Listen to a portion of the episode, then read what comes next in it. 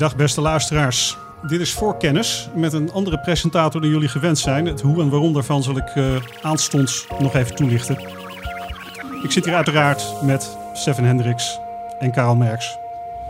There are three ways to make a living in this business. Be first, be smarter or cheat. No, I don't cheat. Beleggersbelangen presenteert Voorkennis.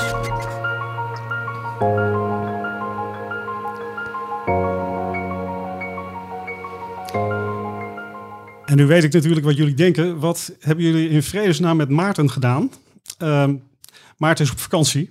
En ehm, die kreeg het uh, lumineuze of niet zo lumineuze idee om mij hem te laten vervangen. Mijn naam is Staken Lichteringen. Ik ben eindredacteur en chef redactie van Beleggersbelangen. Dat houdt in dat ik normaal gesproken op de redactie de artikelen lees, redigeer en zorg dat die op de website en in het blad verschijnen. En uh, voordat dat allemaal kan gebeuren, ook nog daar een heleboel domme vragen over stel aan de auteurs van die stukken. Um, en niet in de laatste plaats aan Karel, die hier tegenover me zit, uh, maar ook nog wel aan Stefan af en toe. Um, en in die hoedanigheid uh, leek het Maarten een goed idee om mij in deze podcast de domme vragen te laten stellen. En zo is het uh, zo gekomen. We gaan het deze week hebben over China over sectorrotatie, over de Noorse kroon en over een heel mooie belegging waar wel een heel stevig luchtje aan zit. Maar voordat we dat gaan doen, ga ik uiteraard eerst aan Karel en Stefan vragen waar ze zich de afgelopen week mee hebben bezig gehouden. Karel, waar heb jij de afgelopen week naar gekeken? Ik heb de afgelopen week gekeken naar uh, Robin Hood. Ze hebben bekendgemaakt uh, dat ze naar de beurs gaan. En Robin Hood is uh, een bekende Amerikaanse broker waar vooral jongeren beleggen in memecoins. En het leuke is als een bedrijf naar de beurs gaat, dan moeten ze ook allemaal data publiceren. En wat blijkt, een uh, gedeelte van de omzet uh, komt van crypto vandaan en een derde van de cryptohandel komt door Dogecoin. Dat vond ik op zich wel, uh, wel grappig. En een paar maanden geleden hadden wij een item in voorkennis dat ik dacht dat beursgang van Coinbase, een van de grootste crypto-brokers, wel eens de top van de cryptomarkt uh, zou kunnen zijn. En dat dacht ik omdat uh, de top van de grondstoffenmarkt in 2011 precies samenviel met de beursgang van Glencore, een groot grondstoffenhuis. En de top van 2007, vlak voor de mondiale financiële crisis, ging Blackstone naar de beurs. En het idee is een beetje dat als particuliere beleggers mogen mee profiteren. Dan willen de professionals eruit en het gaat niet altijd uh, voor de beste prijs. Dus de vraag die ik wil stellen van ja, is de Robin Hood de top van de markt van de meme stocks? En um, wanneer we een datum hebben en meer details van Robin Hood wanneer hij naar de beurs gaat, dan wil ik nog een keertje uitgebreid uh, stil bij staan als hoofdonderwerp. Daarnaast kan ik ook niet uh, de olieprijs negeren. Afgelopen weken elke keer genoemd. Er komt er weer een paar dollar bij. En afgelopen week maandag was de high 77,8. Omdat er een meningsverschil is uitgebroken tussen uh, de belangrijke OPEC-landen Saoedi-Arabië en de Verenigde Emiraten. En het is op zich wel bijzonder. Ten eerste omdat ja, op het moment uh, dat de olieprijs stijgt, dan wordt iedereen rijker in OPEC-landen. Dus ja, waarom zou je dan ruzie maken? En ten tweede, normaal wordt de ruzie gemaakt achter gesloten deuren. En nu wordt er echt de pers opgezocht. En het verschil is ongeveer dat Saudi-Arabië wil de productie verhogen. Maar nog wel tot 2022 afspraken maken. Hoe ver, hoeveel, et cetera. En de Verenigde Emiraten wil gewoon productieverhogingen zonder voorwaarden. Dus wel interessant uh, waar dat naartoe gaat. Dank. En waar heb jij uh, afgelopen week voor beleggersbelangen mee bezig gehouden? Ik heb uh, afgelopen week de tip van de week geschreven. En zoals de meeste luisteraars wel weten, uh, denk ik dat uh, de inflatie de komende jaren hoger zal worden dan de afgelopen jaren. En stijgende inflatie is altijd goed voor valuta, want er is wat oneenigheid, energie. Want, je wil, want energie stijgt als de inflatie is, rente wordt volatieler, metalen wordt volatieler, cryptocurrencies presteren beter met de inflatie. Dus ik heb de CME Group uh, getipt. Een van de grootste derivatenbeurzen ter wereld die opties en futures uh, aanbiedt in al die productgroepen die ik net zei. En op het moment dat eh, die productgroepen stijgen, dan stijgt ook de, de handel, want er komt meer vraag naar. En eh, de CMI roomt van elke transactie een heel klein beetje af. Dus meer handel betekent meer geld eh, voor deze derivatenbeurs. Een beetje te vergelijken met flow traders hier in Nederland ook?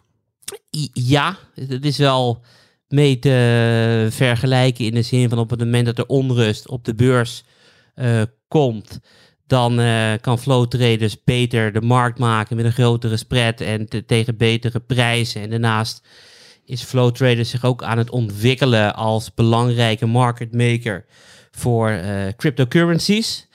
Dus je hebt een van Eck Bitcoin ETN die in Duitsland eh, genoteerd staat. En volgens mij maakt Flow Traders daar de markt voor. Dus die, eh, het is ook een soort hedge. Ja, klopt.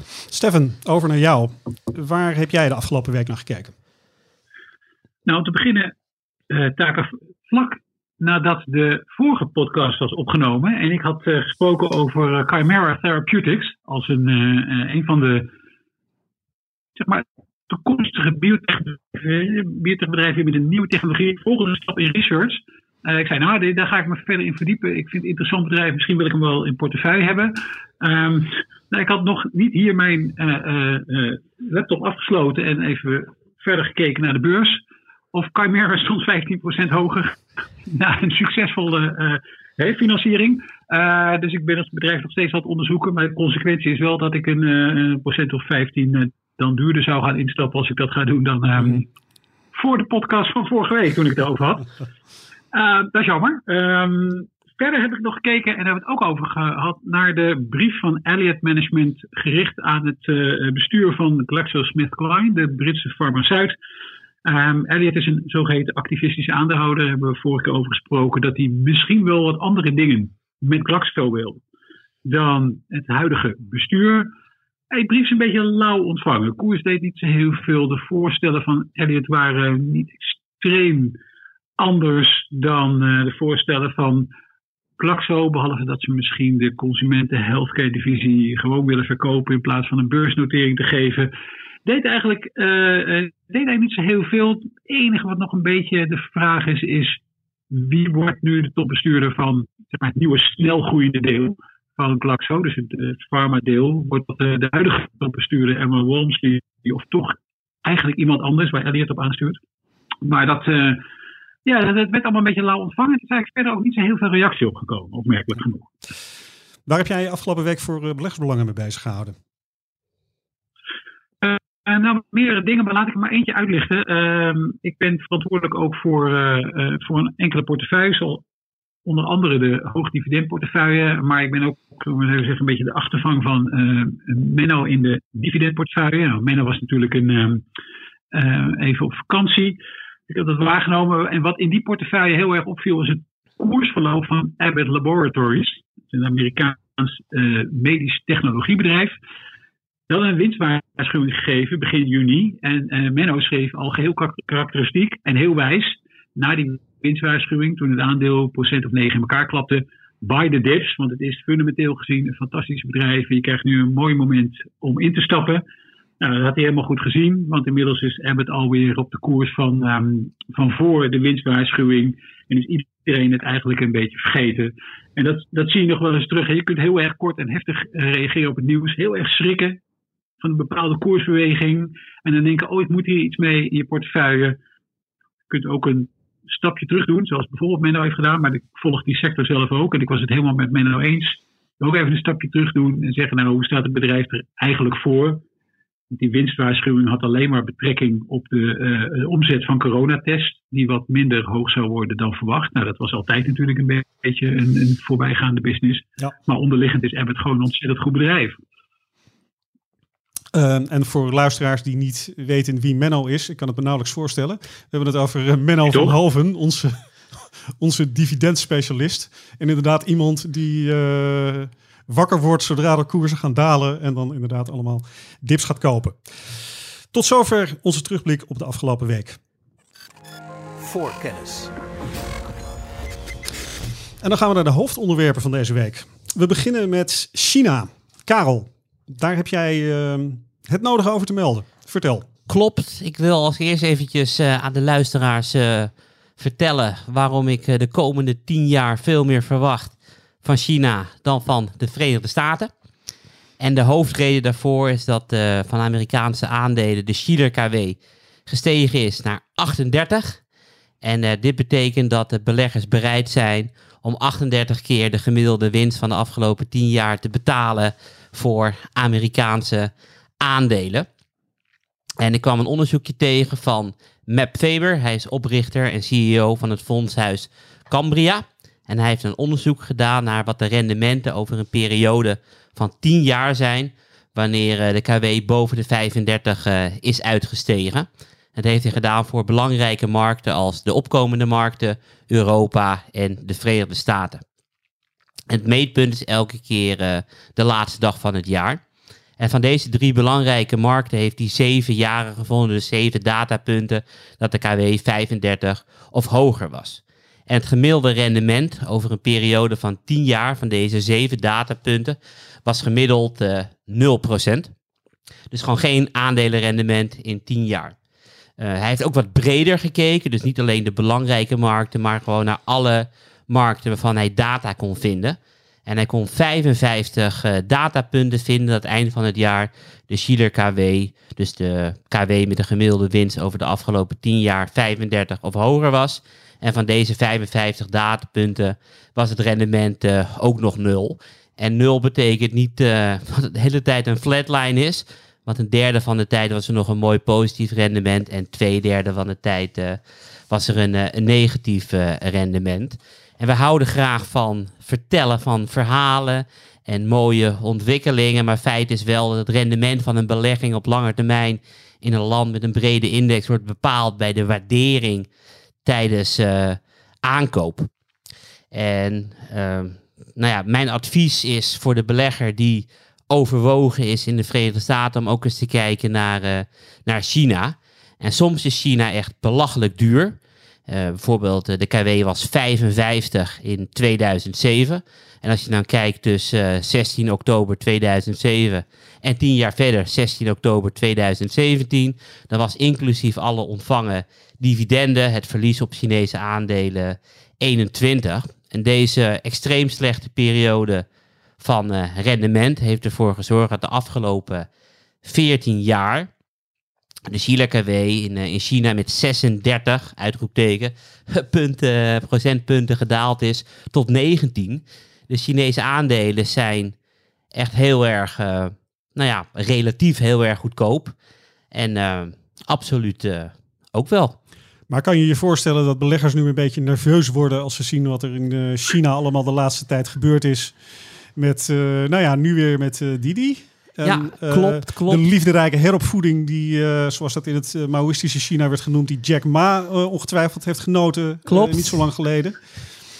Um, hoe zien jullie dit? Klopt. Het is climbing wall of worry, zeggen ze in New York.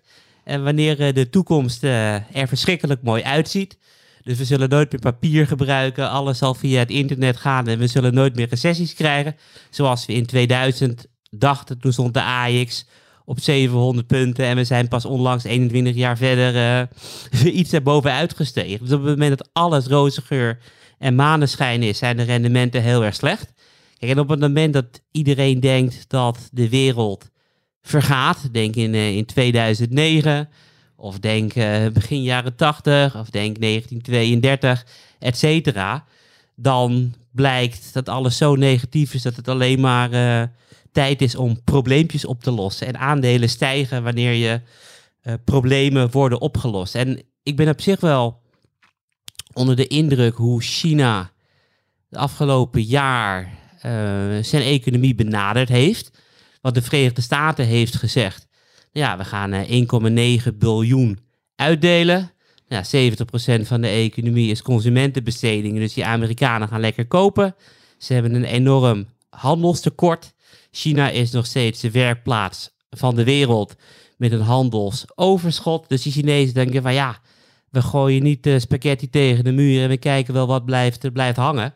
We profiteren gewoon hoe Amerika de wereldeconomie aanswengelt. En we gaan de economie gaan wij hervormen. En dit is de tijd om uh, wat aanpassingen te doen in de economie. En het is allemaal eng. Uh, maar ja, ik, mij lijkt het wel een, een verstandig besluit van die Chinezen. Stefan, hoe kijk jij daar tegenaan tegen die uh, acties die de Chinese overheid neemt uh, om de met name de technologie sector de duimschroeven aan te draaien? Ja, ik vind het wel een lastige taak. Uh, vroeger als je ging beleggen in opkomende markten, dan werd altijd gezegd, nou die horen eigenlijk vaak wat goedkoper te zijn dan westerse aandelenmarkten. Maar er zit er een, een, een zogeheten politieke discount op. Hè? Dus die aandelen moeten eigenlijk iets goedkoper zijn vanwege het ja, politieke risico mhm. dat je daar loopt. Bijvoorbeeld staatsinmenging hè? Is, een, is een van die uh, risico's. En wat, wat heel lastig aan is, is dat mij in ieder geval niet helemaal duidelijk is wat, um, uh, wat China nu precies wil met, met deze acties en wat voor consequenties dat uiteindelijk heeft voor jou als belegger. Het is toch het is een beetje een, tegenstelling tot het, uh, het Westen en, en China. Dus in de VS bijvoorbeeld zie je bedrijven als Facebook en Microsoft en Amazon bijna ongestoord gigantisch groot worden en markten volledig domineren zonder dat de staat daar eigenlijk uh, iets aan kan doen. we hebben, wat was het vorige week nog gehad over die rechtszaak dus, die, die, tegen Facebook. Ja, is Facebook een monopolist of niet? Nou, toon het dan maar eens aan, zegt de rechter in Amerika. Nou, wat heel erg lastig blijkt.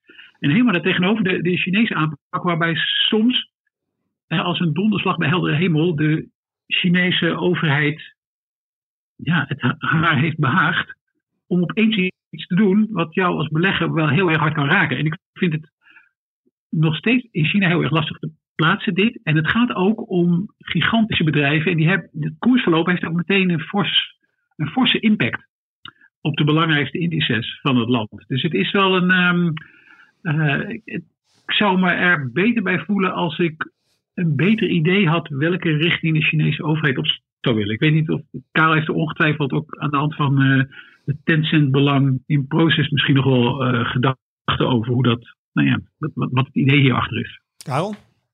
Ik vind het ook um, heel moeilijk. Uh, daar kom ik altijd weer terug naar uh, de waardering. En ik ken ook die verhalen dat opkomende markten lager gewaardeerd moeten zijn dan ontwikkelde markten vanwege de onrust. Maar ja, als je dan kijkt naar China, die een 55 kW had in 2007, of een India met een kW eh, van 60, of een Japan met een kW van 90 eind jaren 80, dan blijkt toch wel eens dat we af en toe hele flinke uitschieters kunnen krijgen. En ah, we hadden natuurlijk afgelopen week uh, Didi. Didi is de Chinese Uber. Vorige week naar de beurs gegaan in de Verenigde Staten. En de vraag is een beetje van ja, waarom is dat geblokkeerd? Uh, volgens sommigen van dat China zoiets heeft van we willen niet in onze mooie bedrijven in Amerika op de beurs hebben, want dan komen ze misschien achter onze data. En het begon natuurlijk in november met de IPO die werd afgeblazen van Ant Group. Karel, leg, nog, leg nog even uit als je wil wat, wat de Chinese overheid precies heeft gedaan met, uh, met Didi. Um, Didi mag in China geen nieuwe uh, klanten werven of accepteren. Het is eventjes tijdelijk on hold gezet. Ja, en dan ben je wel meteen klaar. Ik bedoel, we hadden een jaar geleden ook die spelletjes. Dat, dat de regering zei, van, ja, de Chinezen zijn te verslaafd aan spelletjes. Dus Tencent heeft een jaar lang geen spelletjes mogen produceren. En Tencent is wereldwijd de grootste online spelletjesproducent. Veel groter dan Activision Blizzard of bijvoorbeeld Nintendo. Weet je, en nu mogen de Chinezen weer, weer spelletjes spelen. Het is een soort opvoedkamp. Ja, de liefderijke heropvoeding, zoals ik hem al eerder al noemde. Klopt dat? Nou, nou, het is in ieder geval zo dus dat je daar als, uh, en, iedere belegger is nogmaals een keertje met zijn neus op de feiten gedrukt, dat je daar dus rekening mee moet houden. Dus misschien zou je kunnen zeggen dat je in de westerse wereld rekening moet houden met het feit dat overheden misschien wel proberen om meer belastinggeld van bedrijven te krijgen. Ja, zo zul je in, in China rekening moeten houden met het feit dat uiteindelijk daar de Chinese uh, staat natuurlijk bepaalt hoe ver bedrijven kunnen groeien. En als allerlaatste wat ik nog uh, even wil zeggen is natuurlijk dat Amerikaanse aandelen geprijsd zijn voor een perfecte wereld. Dus op het moment dat de komende tien jaar perfect zal zijn, dan is het normaal gewaardeerd. China is nu gewaardeerd alsof het heel veel problemen heeft, alsof het heel erg eng is.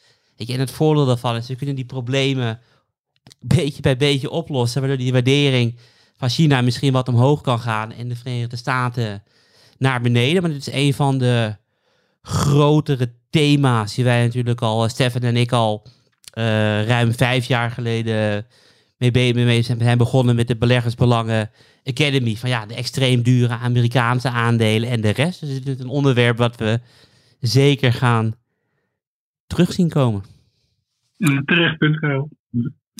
Dank. Voorkennis. Over naar jou, Stefan.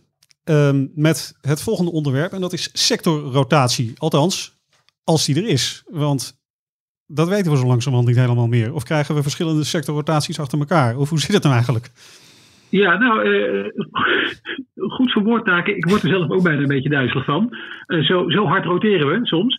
Wat er, wat er is gebeurd, we hebben een paar maanden geleden in deze podcast hebben het gehad over de sectorrotatie die in de eerste maanden van dit jaar heeft plaatsgevonden. Dus wat, dus wat zagen we?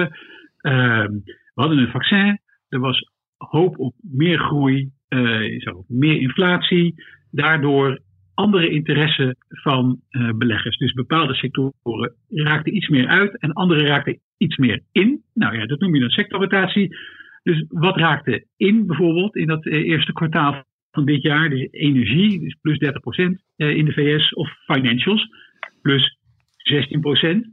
Hoe kwam dat nou? Nee, je zag natuurlijk die, de, groeicijfers verbeteren gewoon wat hogere inflatiecijfers. Uh, en dan zie je dus ook de rente stijgen. En die liep, die liep aardig op in Amerika. Dus in de eerste paar maanden van, nou, zeg even van 0,9 tot ruim 1,7 procent.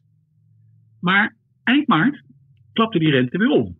Dus inmiddels zijn we weer terug met die rente op 1,3 procent.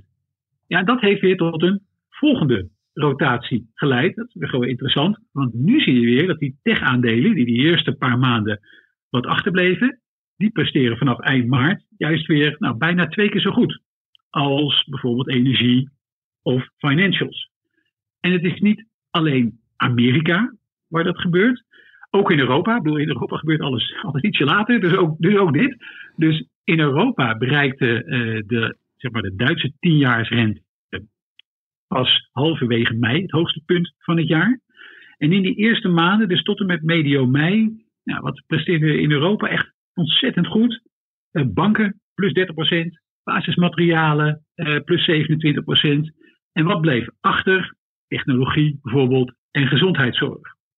Nou, sinds 18 mei klapt ook die rente in Europa weer om. Dus de Duitse rente is weer gezakt van min 0,1 naar min 0,3 procent.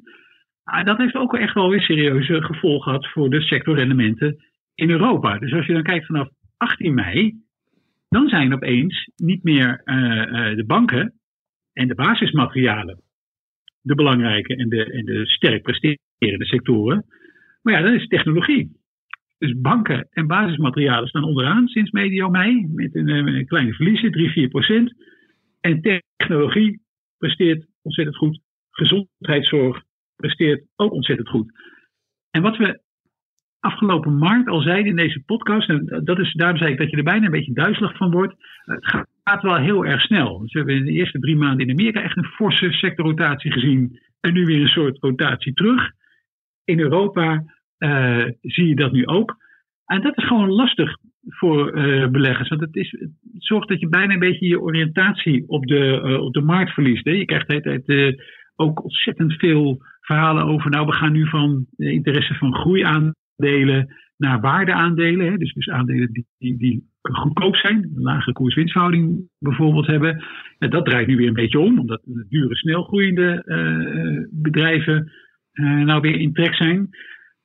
En dat is lastig om daar als belegger mee om te gaan. Ik ben straks wel benieuwd wat, wat Karel daarvan vindt, maar misschien uh, kan ik zelf alvast een paar schoten voor de boeg geven in maart hebben we het al gehad bijvoorbeeld over dat je kunt beleggen in een index waar alle aandelen zo ongeveer dezelfde weging hebben. Hè? De zogenaamde gelijkgewogen of equal weighted index. En dan, nou ja, net in ieder geval een heleboel van dat soort problemen niet.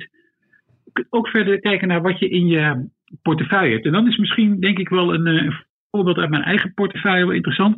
Zoals jij weet, eh, eh, Taken, en misschien is het tot vervelend toe, maar eh, ik vind Thermo Fisher Scientific een fantastisch aandeel. IJzersterke positie in de medische technologie. Ik heb het ook zelf in portefeuille. Ja.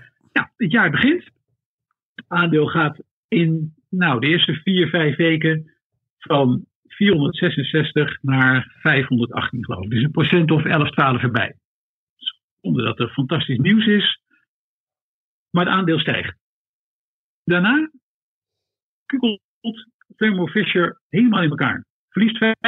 Gaat helemaal terug van 518 naar 441. Nou, dan kijk ik naar mijn portefeuille. En ondanks dat ik wel een doorgewinterde belegger ben, geeft me het ergens wel een beetje een ongemakkelijk gevoel. Een aandeel zoals het baksteen te zien vallen, zonder dat ik daar echt een hele goede aanleiding voor zie. Dus wat heb ik gedaan? Nogmaals de fundamenten uh, en de waardering van Thermo Fisher tegen het licht gehouden. Kijk, hoe gaat het met het bedrijf? Wat is de waardering? Dat was allemaal rond 22, 23 keer de winst. Ik heb naar de positie gekeken en gezegd, nou dit is een lange termijn winnaar, een bedrijf, een sterk bedrijf in een groeiende sector. Ik hou het gewoon aan. Het aandeel is voor mij verder ook totaal onbekende reden, behalve misschien de rente. Daarna gewoon weer leuk gestegen, plus 18% en staat nu op 522 dollar. Dus een stuk hoger dan we het jaar begonnen. Ja. Um, dus ja, misschien is het ook wel een goed idee om uh, bij dit soort hele hevige bewegingen toch nog steeds te kijken naar: heb ik voldoende spreiding in mijn portefeuille? En wat heb ik eigenlijk in portefeuille? Ben ik nog steeds tevreden over de toekomstperspectieven? Ben ik tevreden over de waardering? En ben ik tevreden over de groeikansen? En dat helpt je misschien ook een beetje door dit soort ja, wat, wat, uh, wat desoriënterende financiële markten heen te navigeren. Ik denk, uh, Stefan, dat het voor de belegger vooral belangrijk is. Wat is het doel van de belegger en waarom uh, belegt hij? En daarvoor heb ik even vijf voorbeelden bedacht. Ik zal het kort en krachtig houden. Ja, stel dat je, kijk, als je kijkt naar de afgelopen 400 jaar, dan zie je toch dat op het moment dat je gewoon 10, 20 jaar de tijd hebt, dat je met wereldwijde westerse aandelen altijd wel een procentje of um, 6, 7 per jaar maakt. Dus op het moment dat je de MCI World koopt, of je koopt bijvoorbeeld de MCI All Country ETF, lekker, maakt niet uit wat de rente doet. Gewoon elke maand storten en alles, uh, alles komt goed.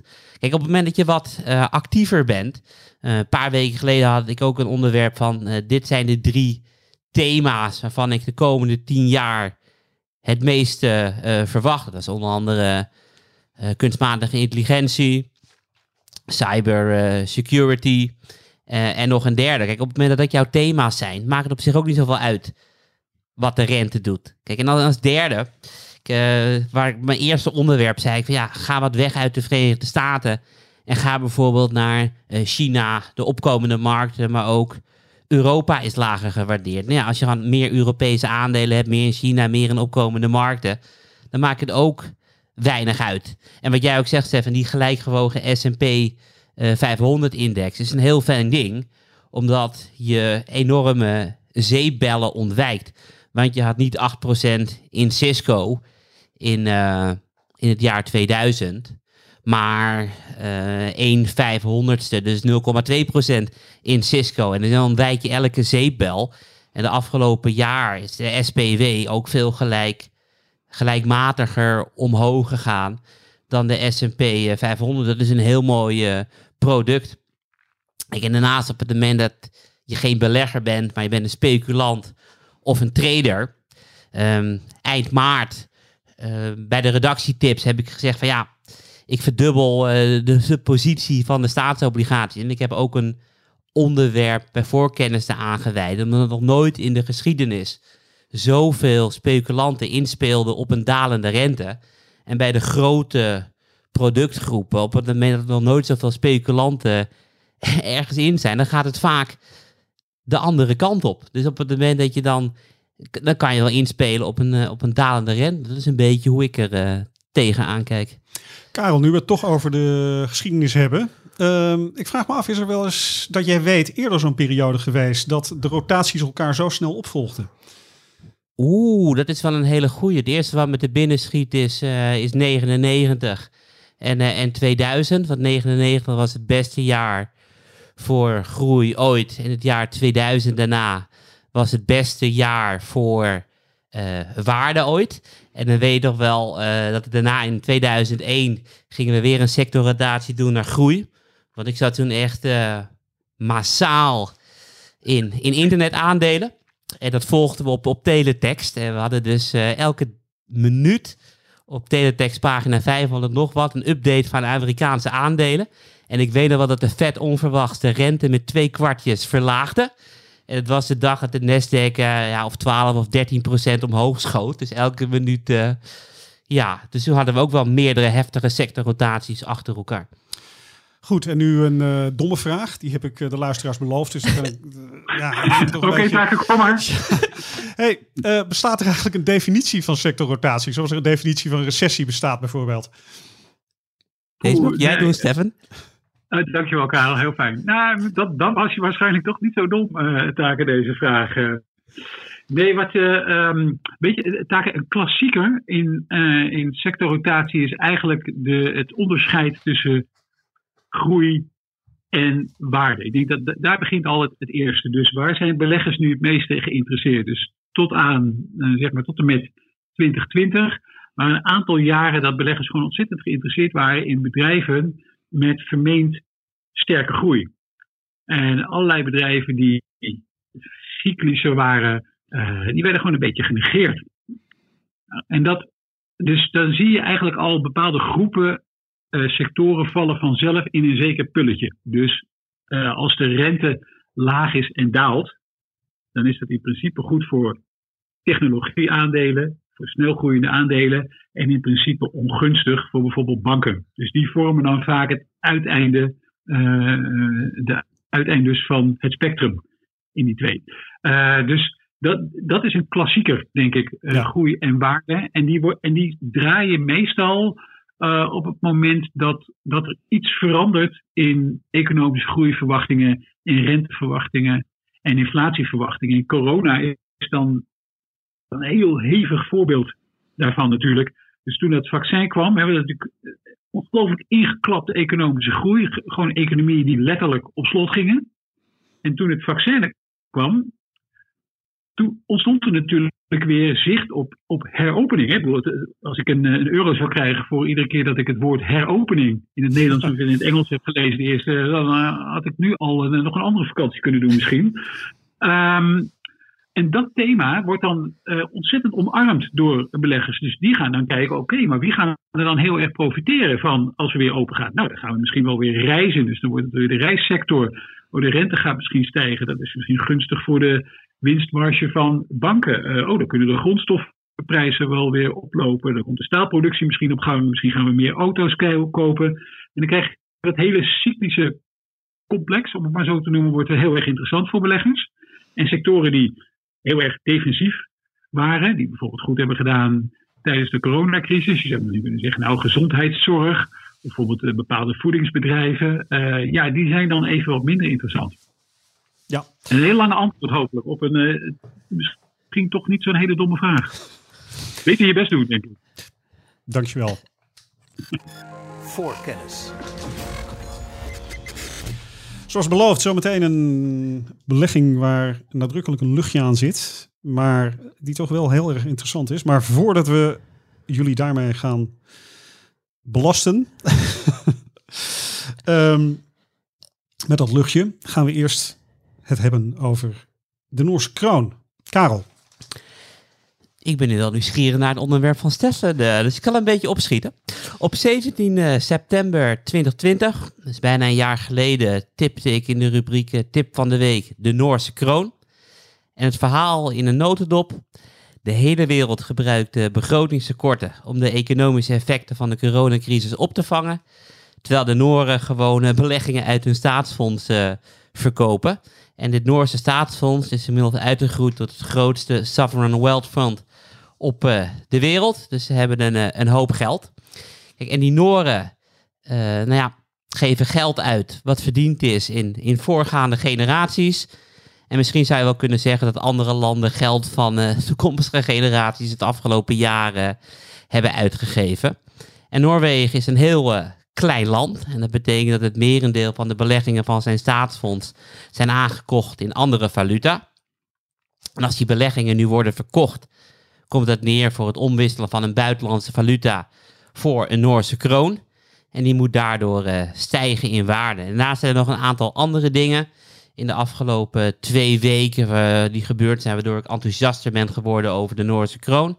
Eentje daarvan is dat de centrale bank heeft aangegeven dat het de komende twaalf maanden waarschijnlijk vier keer de rente gaat verhogen. Dat betekent dat er een groter verschil is tussen de rente in Noorwegen en andere plekken in de westerse wereld. En op het moment dat de rente stijgt, trekt dat ook uh, kapitaal aan. En de meest verrassende was afgelopen week.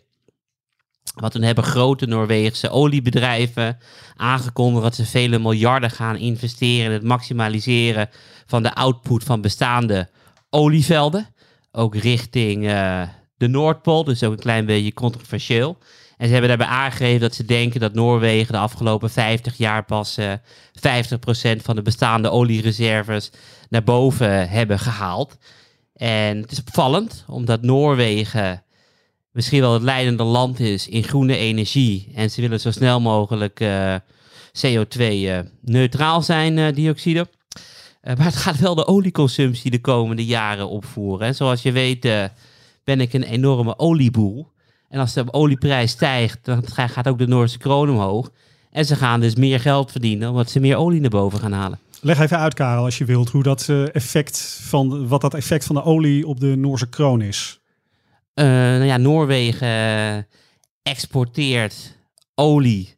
Nou, hoe meer olie je exporteert, hoe rijker het land wordt. En hoe rijker een land is als het geen schulden maakt, uh, hoe hoger de kroon is. Vergelijkend een beetje met, uh, met Zwitserland. Die zijn ook hartstikke goed met financiën. En daardoor is die munt ook zo sterk. Um, Karel, is... oh, sorry. Ja, nee, ga je, ga je gang, Stefan.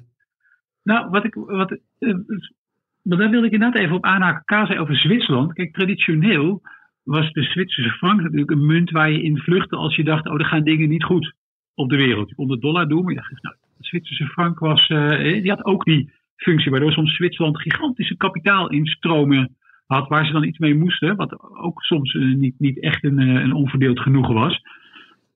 Karel, hoe zit dat in, uh, in Noorwegen? Is die Noorse kroon, is, dient die soms ook als een vluchthaven voor een land dat, dat financieel zo extreem solide is? Is die markt daarvoor niet diep genoeg? Want je moet ergens natuurlijk je geld in Noorse kronen uh, kunnen parkeren op de bank, kijk, in kijk, staatsobligaties. Ja, het lastige daarvan is, is dat Zwitserland nog steeds een betere vluchthaven is. Omdat als je ziet dat er paniek uitbreekt, Denk bijvoorbeeld aan uh, ja, maart 2020. Dan zie je die olieprijs verschrikkelijk hard uh, dalen. En dan daalt ook die kroon enorm hard. Dus op het moment dat de shit hit de fan, dan gaat die Noorse kroon juist uh, naar beneden. En die Zwitserse frank gaat in de regel omhoog. Dus het is niet echt een, een, een play voor als het compleet misgaat. Toen de tijd in september heb ik een ETF beschreven in de beleggersbelangen van Wisdom Tree, die Noorse kronen koopt. En dat financiert door de verkoop van de Europese euro. Dus dat is één mogelijkheid. Een andere mogelijkheid is dat de belegger gewoon kortlopende staatsobligaties koopt en die doorrolt. Of bijvoorbeeld een, een Noors aandeel koopt op de lokale markt, waarvan het merendeel van de omzet uit Noorwegen zelf komt. Karel, um, gaat die Noorse kroon um, alleen tegen de euro uh, stijgen of ook tegen de, tegen de dollar? En tegen de Zwitserse frank misschien? Oh, ik heb, ik heb hem genomen met, met de euro. Omdat ik denk dat wij in, in Europa uh, nog veel wildere praktijken van quantitative easing gaan doen. Dus een voorbeeld te noemen, ik wil vandaag is het donderdag en gisteravond was het geloof ik dat er een persbericht van de ECB kwam dat uh, het inflatiedoel van iets onder de 2% is losgelaten. En we gaan nu in Europa uh, inflatie van uh, 2% nastreven, dus niet daaronder. Maar tijdelijke overshooting. Als de economie dat nodig heeft, worden ook hogere inflatiepercentages geaccepteerd. En ik denk dat wij in Europa eh, nog veel wildige dingen gaan doen met de centrale bank vanwege eh, bijvoorbeeld QE voor eh, groene energietransities, et cetera. Dus ik vind de euro vind ik dan fijn, omdat ik denk dat de euro gaat dalen. Ik denk dat het effect ten opzichte van de Zwitserse frank eh, en de dollar minder zal zijn. Dus vandaar dat ik de ETF met short euro long uh, Noki uh, heb geadviseerd. En heb je daar ook een uh, koersdoel voor? Ik heb daar geen koersdoel voor. Want de één koersdoelen vind ik persoonlijk een van de lastigste dingen die er zijn. Omdat ik dan wel denk dat het mogelijk is dat ik een bepaalde trend goed kan inzien. Maar waar die trend naartoe gaat, ik heb werkelijk uh, geen idee. Behalve dat trends vaak langer doorgaan dan dat je zelf denkt dat ze doorgaan. Dus ik ga geen koersdoelen noemen, maar uh, met de Chinese aandelen. Weet je, KW van 19 kan best naar 15 en dan pas naar 25. Dus uh, helaas geen... Uh, Stefan? Ja, maar ik zat dat, is dan de, is de correlatie met de olieprijs heel erg hoog van die Noorse kroon? Want ergens, we hebben het natuurlijk wel vaker over gehad. En in korte termijn zou je kunnen zeggen, kun je een enorme olieboel. Ja, trouwens, iedere keer als je dat zegt, moet ik denken oliebol. Maar olie, uh, oliebol. oliebol zijn. Kun je, kun je een enorme olieboel zijn. Uh, misschien door vraag- en aanbodfactoren. Uh, Op termijn zou je zeggen, is misschien olie niet de oplossing. Is dan op termijn ook de Noorse kroon niet de oplossing? Of is dat gewoon echt veel te simpel gedacht? Nou ja, kijk, ik ben zelf zo van overtuigd. Dat is misschien wel een van mijn grootste overtuigingen en misschien daardoor een van mijn grootste valkuilen. Is dat ik denk dat de olieprijs hoger en, en hoger uh, zal gaan. Omdat er de afgelopen zeven jaar bij de laatste cycli zo weinig geïnvesteerd is in nieuwe olievelden. Ik had, zoals je weet, volg ik ook kool. En de wereld wil uh, eerder van kool af dan van olie, omdat kool nog veel schadelijker is voor het milieu. En ik zat te kijken naar data in, in China, Frankrijk, Duitsland en de Verenigde Staten gisteren. En in al die landen is het percentage kool gestegen. En wat ik dus echt niet wist en waar ik echt zwaar over verbaasd was, dat in de Verenigde Staten uh, op 1 januari uh, 2021 17% van de elektriciteitsvoorziening uit kool opgewekte elektriciteit bestond. En nu is het 21%. Dus ik denk, we, we kunnen er niet vanaf. En dat is echt een trema voor ja, minimaal vier, vijf jaar uh, verder weg. En hetzelfde met, met, met staatsobligaties en die Noorse kroon. Het zijn geen posities die ik adviseer voor pensioen, maar gewoon om actief uh, te handelen. Fair enough. Um, en adviseer jij nu een uh, positie in uh, echt de, de, Noorse kroon tegen de euro meer? Of, of een uh, positie in olie vooral? Dat is een hele lastige, want ik geloof heilig in een heel goed gebreide beleggingsportefeuille. En op het moment dat er één van de twee ontbreekt, zou ik één van de twee erin opnemen. olie is sowieso volatieler. Ik bedoel, het is van 35 in september naar 70 gegaan. En misschien over een jaar 140. En uh, een, een, valuta zal nooit met vele honderden procenten stijgen. Dus uh, alles voor een gediversifieerde portefeuille. Voor kennis. Dankjewel. Dan komen we nu bij het uh, beloofde onderwerp met een luchtje. Karel die houdt ervan om af en toe eens een paar even terug te gaan in de tijd. Um, dit onderwerp beginnen we door een paar millennia terug te gaan in de tijd, in het Romeinse Rijk. Waar uh, de keizer Vespasianus een, ooit een belasting invoerde op uh, openbare urinoirs. Dat waren dus tonnen die in Rome stonden en waar mensen dus hun behoefte in deden. En die urine die werd gebruikt door kledingfabrikanten om wol mee te ontvetten en om kleding mee te bleken. En de zoon van Vespasianus, een zekere Titus, die vond dat toch niet kunnen dat uh, Vespasianus op deze uh, pisemmers, want dat waren het natuurlijk, eh, belasting ging heffen. En hij beklaagde zich erover tegen zijn vader. En zijn vader duwde hem vervolgens een paar geldstukken onder de neus en sprak de gevleugelde woorden: Pecunia non olet. Het geld, dat stinkt niet. Ehm, dat uh, er nog altijd met uh, dit soort smerige zaken goed geld te verdienen valt, dat gaat Steffen ons nu uitleggen. Steffen. Wat een, uh, wat een schitterend intro, taak. Ik, ik kan u alleen maar teleurstellen, maar ik ga, ik ga mijn best doen. Daar komt hij, ja. Um, taak, net als vorige week heb ik mij eens gericht op een sector die zich wat aan het oog van beleggers Dus vorige week heb ik het gehad over partijen die uh, bezig zijn met financiële data en die je niet zo snel ziet. Um, maar nu ben ik uh, met een sector aan de slag gaan die ook misschien niet zo sexy is, namelijk um, uh, de vuilophalers en de afvalverwerkers. En dan met name die in Amerika. Nou, aandelen als Republic Services en Waste Management en Waste Connections, die doen het dit jaar beter dan de S&P 500 en staan op een nieuwe all-time high of er vlakbij. Maar niet alleen dit jaar, maar ook over de afgelopen tien jaar, dat vind ik dan wel opvallend, hebben die vuilnisaandelen, uh, wat er dus niet zijn, de S&P echt duidelijk verslagen. Met name Waste Management en Republic Services. Nou, daar is mijn interesse in die sector niet echt nieuw. Want we zijn bij beleggsbelangen in november 2010, ja, november 2010 gestart met enkele voorbeeldportefeuilles. En een van de aandelen die ik daarvoor aandroeg, voor die voorbeeldportefeuilles, was Republic Services. En ik was op het idee gekomen omdat ik een jaar daarvoor al had gezien dat uh, Warren Buffett met Berkshire Hathaway een belang in dit bedrijf had genomen. Dacht ik, nou, op zich klinkt het een beetje raar dat je denkt, ja, een vuilnisophaler, hoe spannend en uh, sexy kan het zijn? Wat verwacht je daar nou eigenlijk van? Dus ik ben dat bedrijf gaan volgen en een jaar later dus aangeraden voor die portefeuille. Het bedrijf heeft het fantastisch gedaan. Um, helaas heeft onze collega uh, Jaap, die nu met pensioen is, het aandeel vorig jaar juli uit de portefeuille verwijderd.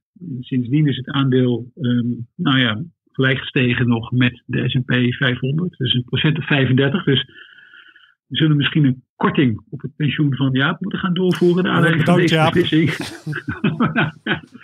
uh, maar mijn interesse is wel gebleven ook in die, uh, in die sector. En het, het is gewoon, ondanks dat het niet sexy is, maar het zijn van die sectoren die gewoon een aantal interessante karakteristieken hebben. Dus het is niet helemaal een defensieve sector. Dus uh, de omzet van dit soort bedrijven is wel afhankelijk natuurlijk van het afval dat wij met z'n allen produceren. En wij met z'n allen bedoelen dat is particulieren en bedrijven. Nou, dat hangt weer af natuurlijk uh, van hoe hard de economie groeit. Hoe snel de bevolking groeit, is ook belangrijk. En de groei van het aantal huishoudens en nieuwe bedrijven. Want als er weer een nieuw huishouden gevormd wordt, dan komt er weer nieuw afval en dat moet allemaal weer verwerkt en gerecycled worden. Nou, waar die sector wel wat defensiever in is, en dat is op zich wel interessant, is dat ze uh, vaak langlopende contracten, bijvoorbeeld met gemeentelijke overheden hebben of met bedrijven. En dat er in die contracten soms ook al een uh, inflatiecorrectieachtige constructie is opgenomen. En dat maakt ze natuurlijk best interessant. En schaal telt. Dus je hebt een aantal grote bedrijven, dus dit zijn ook grote bedrijven. Um, en dat maakt het eigenlijk tot een sector die je, ja, waar je niet zo heel erg bij stilstaat. Waarvan je denkt, nou ja, die zullen misschien wel redelijk geld verdienen. En, en je niet realiseert dat die gewoon al tien jaar beter presteren dan de S&P 500 als geheel. Ik bedoel, de afgelopen tien jaar is het totaalrendement, inclusief herbelegd uh, dividend van een Republic Services, is 360 procent tegen eh, nog geen 295 voor de S&P 500, om maar even een beetje de verhoudingen aan te geven. Nou, zit er dan niks negatiefs aan deze sector? En misschien een paar kleine dingetjes. Uh, want ja, ik heb net hele aantrekkelijke karakteristieken geschetst. Ja, wat betekent dat? Dat beleggers dat natuurlijk ook aantrekkelijk vinden. En dat zorgt er weer voor dat die waarderingen aardig opgedreven zijn. Dus ik kan me nog herinneren toen ik Republic Services aanraden voor een portefeuille. Toen was de koers-winstverhouding ongeveer 18, 19. Maar nu zijn we op ruim 29. Dat geldt ook voor Waste Management. En Waste Connection staat zelfs op 39. Dus goedkoop kun je ze niet meer noemen. Um, en ze hebben relatief veel schuld. Dus de verhouding tussen eh, netto schuld, dus dat is schuld gecorrigeerd voor cash, en de operationele winst, min afschrijving en amortisatie, ligt zo rond de 3 tot 4. Dat zijn misschien niet de meest positieve dingen. Maar verder is het wel een sector uh, ja, waarvan uh, volgens mij, uh, om collega Menno nog maar eens een keertje aan te halen, misschien wel zou kunnen zeggen um, kopen op koerswakte. Ja. En van de bedrijven die je hebt genoemd, heb je daar nog een favoriet van? Ik ben zelf altijd wel een beetje blijven hangen bij Republic Services, moet ik eerlijk zeggen. Um, om, om de activiteiten, om de manier waarop ze hun cashflow inzetten, doet me een heel klein beetje denken aan de wijze waarop Linde dat doet. Heel erg gestructureerd. Zie het rendement op geïnvesteerd vermogen ook voortdurend de afgelopen jaren iedere keer maar weer wat oploopt. Dus dat ziet er gewoon goed uit. Um, dus daar ligt het op een of andere manier, of het nou om sentimentele redenen is, uh, alleen maar, maar er ligt nog steeds wel een beetje mijn voorkeur. Ja, en zijn er heel duidelijke verschillen met die andere twee? Nou, ze komen elkaar natuurlijk wel her en der tegen. Ze strijden natuurlijk in Amerika ook veel om, uh, uh, om soortgelijke contracten. Bij, uh, wat ik al eerder zei, gemeentelijke overheden, staten, grote bedrijven natuurlijk. Dus ze zitten enigszins in elkaars vaarwater. Ze proberen ook iedere keer door, door kleine overnames wel de, um, ja, marktpositie wat te versterken. Maar wat natuurlijk geldt is dat als de economie groeit. En wat ik net zei, hè, als, de, als het aantal huishoudens weer groeit en het aantal bedrijven weer groeit, ja, dat gewoon per definitie ook de omzet, in ieder geval de markt van dit soort bedrijven ook weer groeit. En, en, en de recycling en het hele uh, milieuaspect daarbij zou nog wel eens een nieuwe uh, push kunnen geven voor dit soort bedrijven. Zijn dit bedrijven die alleen actief zijn in de Verenigde Staten of ook in andere landen? Nou, deze voornamelijk wel. Um, uh, eh, in ieder geval Republic Services voornamelijk. Dat heeft denk ik ook een beetje te maken met, uh, met de bekendheid. Bij die andere twee ben ik iets minder goed bekend. Ik denk dat er ook nog een aantal sowieso in Canada wat doen. En ongetwijfeld ook her en der in Europa wel wat. Want in Europa zie ik in ieder geval bij mij door de straat vaak de auto's rijden van Suez. ook, geen, ook geen Nederlands bedrijf. Dus het is, wel, het is ook nog best een internationale business. Maar deze zijn uh, wel, in ieder geval bij public services, is erg Amerika gericht. Ja, wat voor kansen uh, liggen er nog op die markt? Ehm, nou, wat ik al zei, het is, het is meegroeien met het BBP is al helemaal niet onaantrekkelijk. schaalgrootte speelt natuurlijk ook een rol, want ja, je hebt natuurlijk ook een grote vloot aan wagens, bijvoorbeeld, rondrijden. Dus dat zijn eigenlijk uh, kansen om je, je, operationele marge en je rendement of je geïnvesteerd kapitaal nog iedere keer uh, iets omhoog te trekken. Dus, dus er zit nog wel wat in. Ja, ik, nogmaals, alleen die, die waardering van 29, dat, dat vind ik jammer. Op 19 had ik gezegd, druk straks maar gewoon na de podcast op de koopknop. Ja, bij, bij 29 uh, ja, het is fijner als, als dit soort bedrijven wat, uh, weer wat inkomen. Het is wel echt een sector om in de gaten te houden. En ik we proberen natuurlijk in deze podcast ook allerlei ideeën naar voren te brengen. Vorige week zei over die, die financiële data, dit soort sectoren. Het hoeft niet altijd alleen maar heel erg sexy tech te zijn. Of iets wat je heel erg ziet. Je, of het nou je Apple is of misschien je ASML, wat heel erg bekend is. Er zijn ook andere bedrijven die. Um, die mooie rendementen kunnen laten zien. Ja, duidelijk. Dankjewel. Voor kennis. Dan gaan we alweer naar het einde van deze podcast toe. En uh, dat doen we door vooruit te kijken op de komende week. Karel, waar ga jij de komende week op letten? Ik ga vooral naar de rente kijken.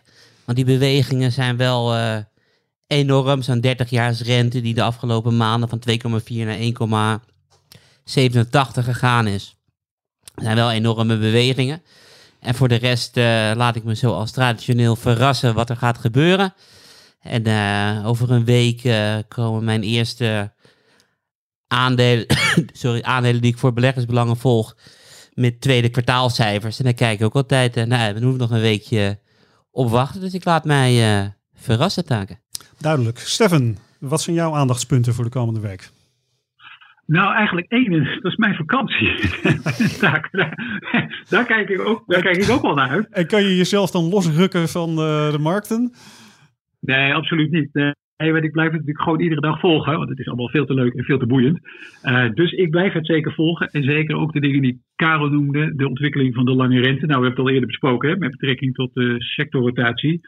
En waar ik ook nog gewoon met, met, met grote interesse naar uitkijk. Um, ik ben heel erg benieuwd um, wanneer en wat voor onderzoeken we gaan krijgen naar de effectiviteit van de coronavaccins tegen de, uh, de, de, nieuwe Delta-variant. Er waren wat berichten uit Israël, eerste onderzoeken, waarvan nog niet helemaal duidelijk was uh, hoe goed die onderzoeken nou waren, waar in ieder geval de effectiviteit van het Pfizer-BioNTech-vaccin misschien nog steeds wel goed was, maar wel lager, veel lager dan tegen de eerste variant. Um, de, dat is wel van belang, omdat, um, nou ja, de, de, je weet dat ik een positief advies heb op, um, op Pfizer. Ja.